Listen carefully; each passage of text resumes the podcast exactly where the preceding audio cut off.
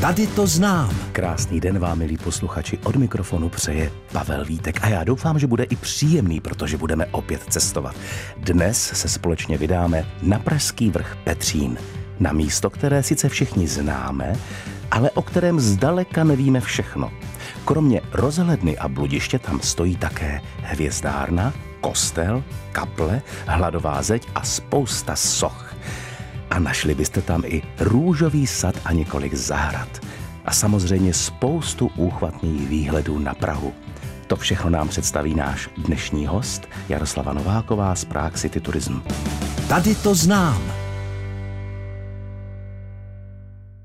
Jak už jsem avizoval před písničkou, dnes se podíváme na Pražský vrch Petřín.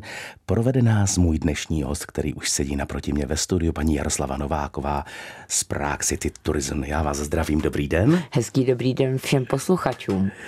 Já jsem se na dnešní díl a na toto putování moc těšil, protože všichni víme o Petřínu, všichni známe siluetu, všichni známe, co všechno tam kolem se nachází, ale já jsem sám sebe nachytal na tom, že vlastně o tom skoro nic nevím. O to víc se těším, že se ty informace dozvíme od vás. Takže já hned začnu. V jaké části Prahy se vrch Petřín nachází a kde přesně bychom ho našli? Já myslím, že opravdu je to otázka docela jednoduchá. Ano. Eh, Musíme se dostat nejprve na levý břeh řeky Vltavy. Ano. Eh, Půjdeme-li třeba mm, přes Karlův most, tak to eh, k Petřínu opravdu není daleko, ale můžeme se také dostat z druhé strany. To znamená od Strahovského kláštera nebo případně třeba i od Strahovských kolejí. No a pro ty, kteří rádi chodí přírodou, tak bych doporučila dojít nahoru um, zahradou Kinských. Ano. A jmenoval se vždycky Petřín nebo měl dřív jiná jména? Myslím, že hodně byl známý v minulosti jako Laurenciberg, což znamená v podstatě vrch svatého Vavřince, protože tam stávala kaplička mm-hmm. svatého Vavřince, zřejmě už od desátého století, takže si lidé zvykli tomuto kopečku říkat také kopec svatého Vavřince. A kde se tedy vzal název Petřín? Podle čeho se tedy ten vrch vlastně jmenuje? Já myslím, že asi bychom museli sáhnout někam do díla um, Kosmova, to znamená hmm. do Kosmovy kroniky Ano. a hlavně také k činnosti, která kdysi na Petříně byla. Na Petříně se totiž lámal kámen. Aha. Lámal se tam opukový kámen, byla tam skála opravdu velmi užitečná. Ostatně mnoho pražských staveb z doby 11. 12. století je postavených právě z petřínské opuky, Ano. která měla dvě barvy. No a protože latinsky skála je Petra, tak Aha. Kvůli tomu se pravděpodobně začalo Petřínu skutečně říkat skála, eh, tedy Petra od toho Petřín. A jak je vrch Petřín tedy vysoký? Myslím, že asi bychom měli eh, Petřín změřit nad mořskou výškou. V tom případě se budeme pohybovat eh, zhruba od 318 do 321 metru hmm. na tom úplném vrcholu. A my už jsme tady zmínili, jak se vlastně na Petřín samotný můžeme dostat, ale víte, která mě vždycky z těch přístupových cech lákala nejvíc? Uh, lanovka. To je takové, takové romantické. Já myslím, že pro spoustu lidí, kde bychom tedy uh, uh, našli tu dolní nástupní stanici, jak, jak se tam vlastně dostaneme, odkud? Přijdeme právě pod Petřínský kopec, to ano. znamená na Pražský újezd, mm. mimo jiné jen malý kousíček od jednoho ze symbolů Petřína a to je hladová zeď. A tam tedy nastoupíme na dolní stanici Lanovky, která vede až na vrchol. Vede tam samozřejmě díky tomu, že ta vybudovaná lanová dráha umožňuje ten velmi jednoduchý přístup, ale ne vždycky tomu tak bylo. Na Petřínce kdysi třeba lidé nechávali vozit také na oslech, což je, myslím, taková docela hezká uh, drobnost k Ano. připomenutí. To by se možná mohlo obnovit. jak je ta lanovka dlouhá a jak dlouho jede nahoru? No, eh, nedáváte mi úplně lehký úkol, protože záleží na tom, kterou lanovku myslíte. Ta současná, tak ta má 510 metrů délky, mm-hmm. ale v minulosti tomu tak nebylo. Ta první lanová dráha, ta byla uh, skutečně daleko kratší E, nicméně od roku 1985, tedy hmm. od okamžiku, kdy jezdí ta lanovka, která je stále i dnes v ano. provozu, tak je to skutečně 510 metrů a návštěvník tam pojede zhruba 4 minutky. Mým dnešním hostem je Jaroslava Nováková z Praxity Turism a povídáme si o pražském vrchu Petřín. Tak už jsme zvládli lanovku, už víme, proč se Petřínu říká Petřín, ale teď pojďme k tomu, co všechny zajímá, protože jednoznačnou dominantou Petřína je ta známá rozhledna. E, že je jejím předobrazem pařížská Eiffelovka nejspíš všichni vědí, ale kdy na vrcholu Petřína vyrostla a při jaké příležitosti? Ona vyrostla v roce 1891. Byl to rok, který byl pro Prahu opravdu velmi důležitý, protože to byl rok zemské jubilejní výstavy. A ta výstava to byla veliká sláva. Hmm. Veliká sláva, protože se ukázalo, že čeští podnikatelé, řemeslníci, umělci jsou opravdu nesmírně šikovní a prokázalo se to také právě na výstavbě samotné rozhledny, kterou se podařilo mm, vybudovat vlastně v plné kráse. E, co do velikosti je to, ale když jste zmínil tu Eiffelovu věž, ano. tak je to vlastně e, pouhá část Eiffelovky, myslím e, opravdu co do výšky, protože má necelých 60 metrů. A jak dlouho trvala ta výstavba? Myslím, že v unikátně krátké době se podařilo uh, tu nádhernou rozhlednu postavit, protože dnes by se asi všichni divili, že k tomu stačilo pouhých pět měsíců a šest dnů. Tak to je úžasné. A kolik tam vede nahoru schodů? A pokud by se někdo zalekl toho počtu, tak eh, jestli se tam dá vyjet i výtahem? Ehm, je zajímavé, že výtahem se dalo vyjet vlastně od samého začátku, Aha. což bychom možná ani netypli v tom roce 1891, ale je tomu opravdu tak. Dnes se samozřejmě výtahem jet dá, ale myslím si, že ti, kteří jsou opravdu zvědaví a chtějí si prohlédnout pořádně různé rozhledy, tak se vydají po schodech. A musí vystoupat kolik? 299 schodů a to prosím tak, že je tam dvou hmm. ramené schodiště. Ano. To znamená, že se samozřejmě nechodí nahoru stejným směrem, jako když se ano. jde dolů. No tak to už víme o rozhledně a teď ještě další známou stavbou na vrcholu Petřina je také zrcadlové bludiště. Kdy bylo vlastně postaveno a za jakým účelem vzniklo?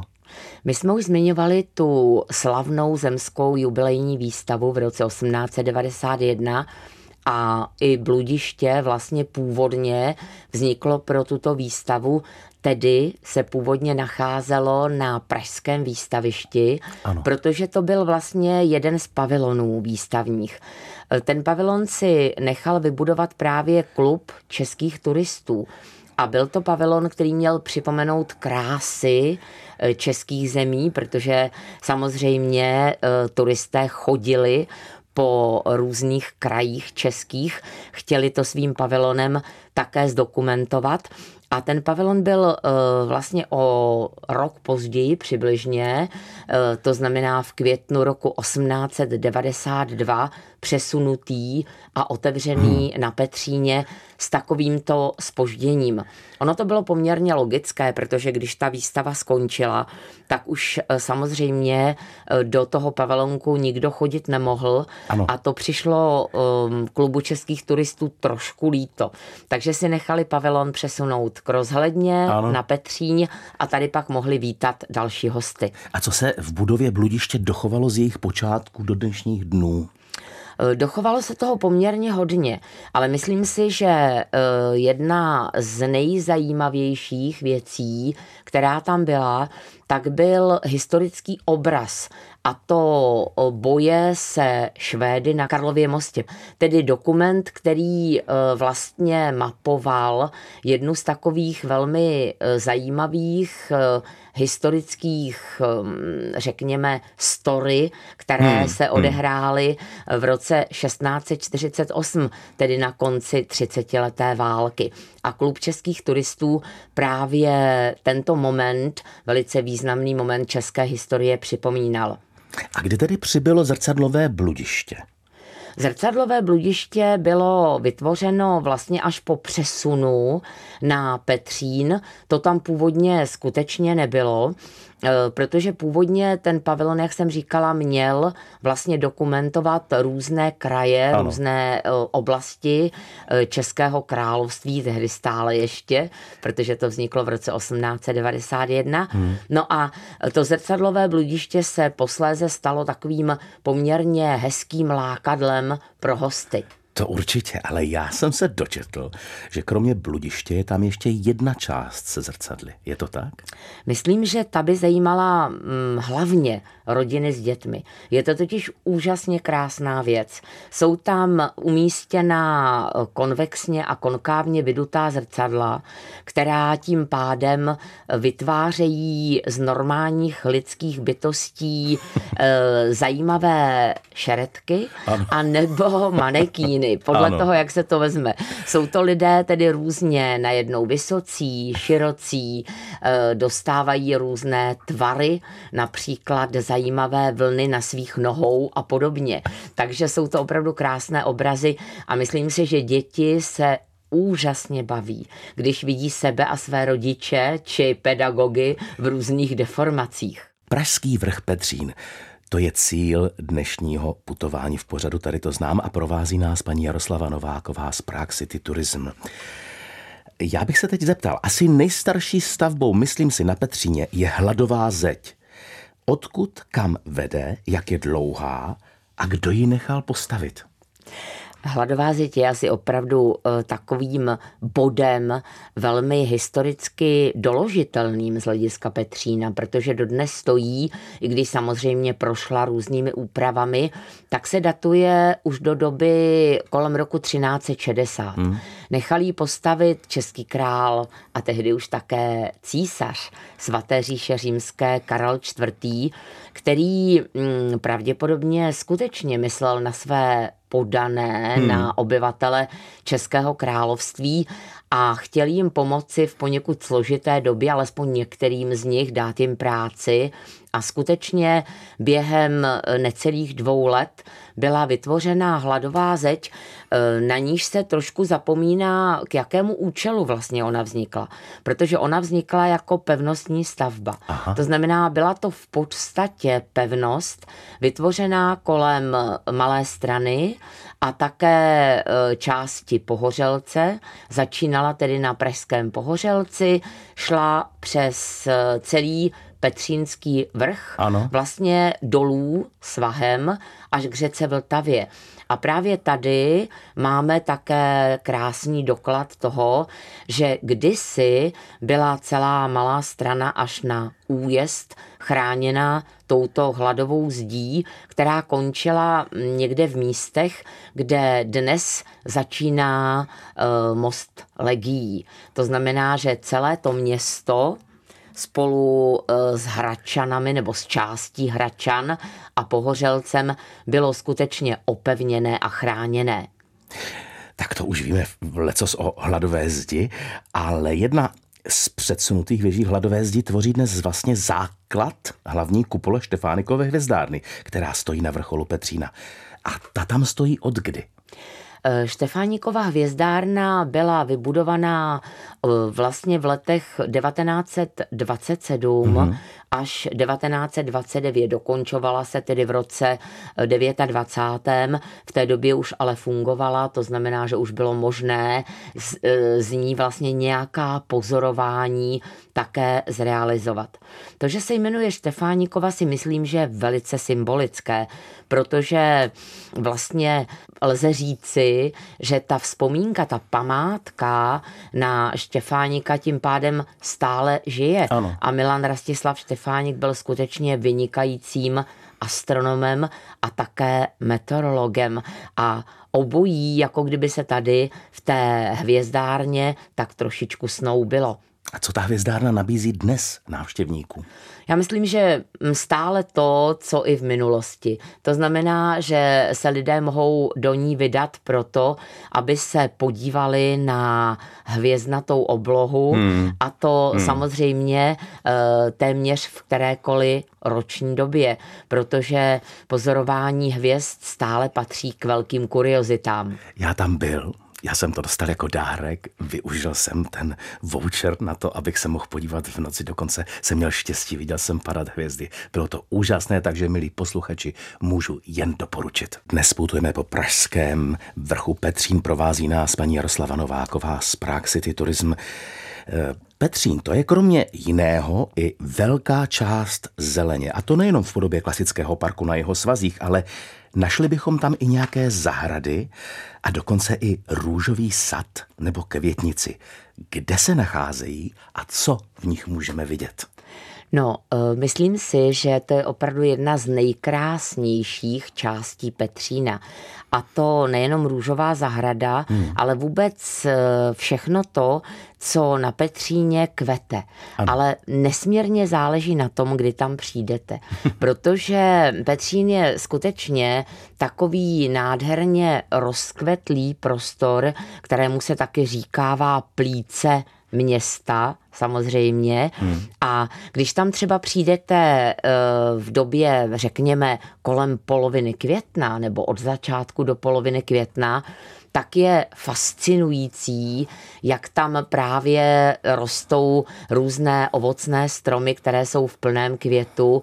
Myslím, že nejkrásnější jsou višňové a třešňové stromy, předtím možná magnolie, potom zase tam najdeme tedy nějaké další zajímavé stromy. No a pokud jde o tu překrásnou růžovou zahradu, ano, tak ano. tu samozřejmě najdeme na samotném vrcholu Petřína hmm. a to právě malý kousek od zmíněné Štefánikovy hvězdárny. Ten růžový sad eh, má eh, mnoho druhů růží, které nabízí ke zhlédnutí a to nejenom v samotném eh, rozáriu, ale také i v takové přilehlé drobnější části zahrady, kde jsou i krásné úpravy z hlediska, řekněme, kamene v jeho využití, zasazení do různých cestiček a tak podobně. Je to krásné, opravdu je to tam nádherné. A jsou na Petříně i nějaké vinice? Ano, na Petříně jsou vinice, tedy je tam vinice velice skromná oproti původnímu využití Petřína, protože dnes už si asi málo kdo umí představit, že kdysi byl vrch Petřín především viničním vrchem. Ty vinice sahaly hmm. hluboko do malé strany a e, později některé paláce, které vznikaly na Malé straně, ano. jako třeba palác Vrdbovský nebo Šenbornský či Lobkovický palác, ty vlastně vznikly na místě vinic. A zejména ty jejich zahrady, které dnes paláce mají, tak mají původ v kdysi existujících vinicích. Takže dnes třeba, když bychom procházeli uličkou směrem k Vrdbovské zahradě, ano. tak bychom si asi už těžko představili, že to byla ulička do Vinice, protože od ní směrem nahoru byla obrovská a krásná Vinice a to až do začátku 18. století. A vzhledem k tomu, že Petřín právě je kopec, tak je na něm určitě i spousta míst, samozřejmě kromě Petřínské rozhledny, ze kterých musí být krásný výhled na Prahu. Je.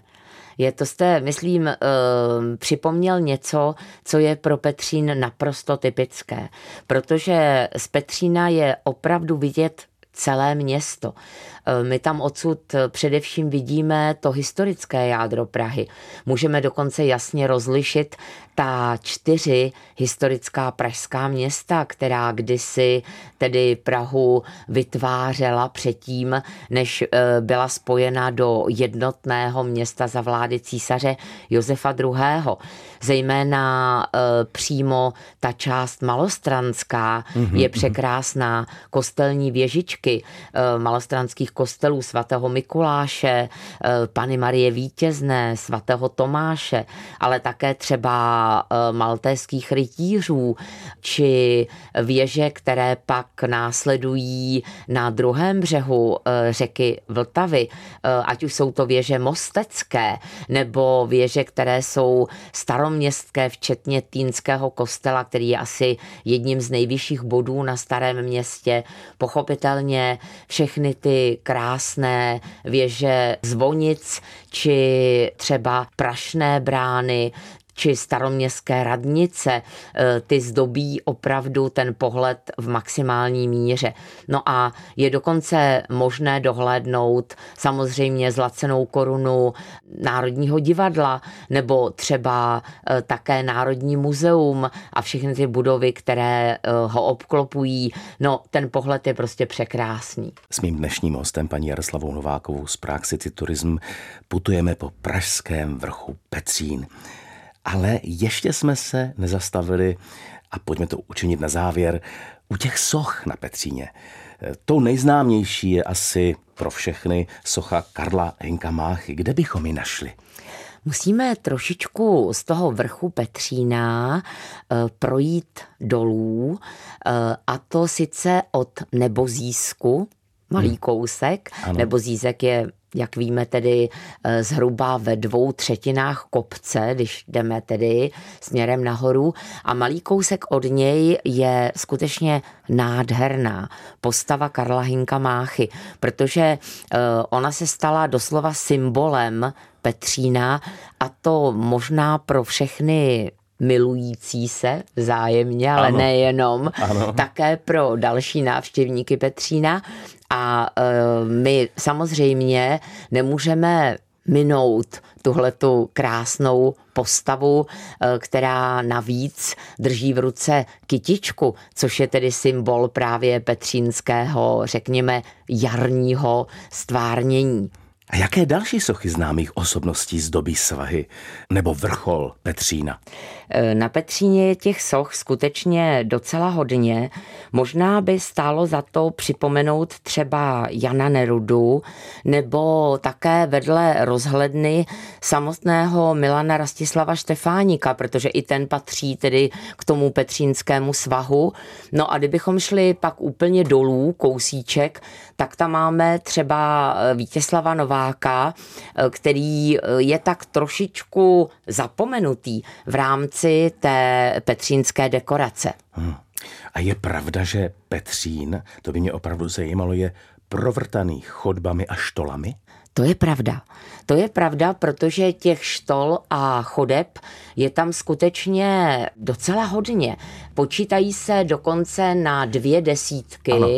A také, kdybychom měřili tedy jejich celkový počet kilometrů, tak bychom asi byli velice překvapeni.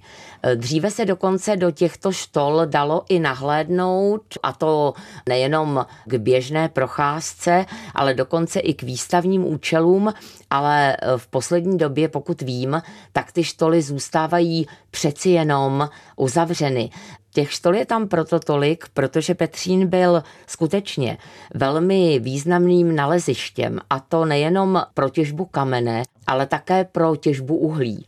Takže obojí se tam prostě těžilo, z toho vznikly také nějaké chodby. No a když už mluvíme o takových těch, řekněme, zajímavostech z hlediska zdrojů na Petříně, tak bychom asi neměli zapomenout, že se o Petříně také dá mluvit jako o takzvané nacucané houbě. Co protože Petřín má obrovské množství pramenů a mnohé ty prameny byly velmi zásadní pro některé rozvíjené lokality na Petříně. Takže třeba na okraji Petřína je Strahovský klášter a ten by asi nikdy nevznikl bez zdrojů vody, které tady právě byly mm, velice snadno k získání už od doby 12. století. E, také Petřín svými prameny třeba dodával vodu do malostranských eh, slavných paláců. A mimo jiné eh, malá strana díky té petřínské vodě mohla mít i docela čisto všude, hmm. protože ta voda odváděla také, řekněme, splašky a nečistoty. Tedy to, co na malé straně rozhodně bylo nežádoucí. Prostě potvrdila jste mi jenom, že platí, kde je voda, tam je život. Já bych vaše povídání a naši posluchači určitě také poslouchali celé hodiny, protože tolik zajímavostí, které eh, jsem se dozvěděl, nebo jsme se dozvěděli o Petříně a určitě bychom se ještě dozvěděli, tak třeba někdy příště. Každopádně já vám moc děkuji za to, že jste přišla sem k nám do studia a tak hezky nám o Petříně popovídala. Já taky moc děkuji a e, loučíme se samozřejmě s vámi i s posluchači. Já vám přeji, ať se vám daří, milí posluchači. E, mým dnešním hostem byla Jaroslava Nováková z Prague City Tourism a povídali jsme si o Pražském vrchu Petřín. Bylo to hezké, ale v nejlepším se má přestat. Pavel Vítek se na vás bude těšit opět za týden.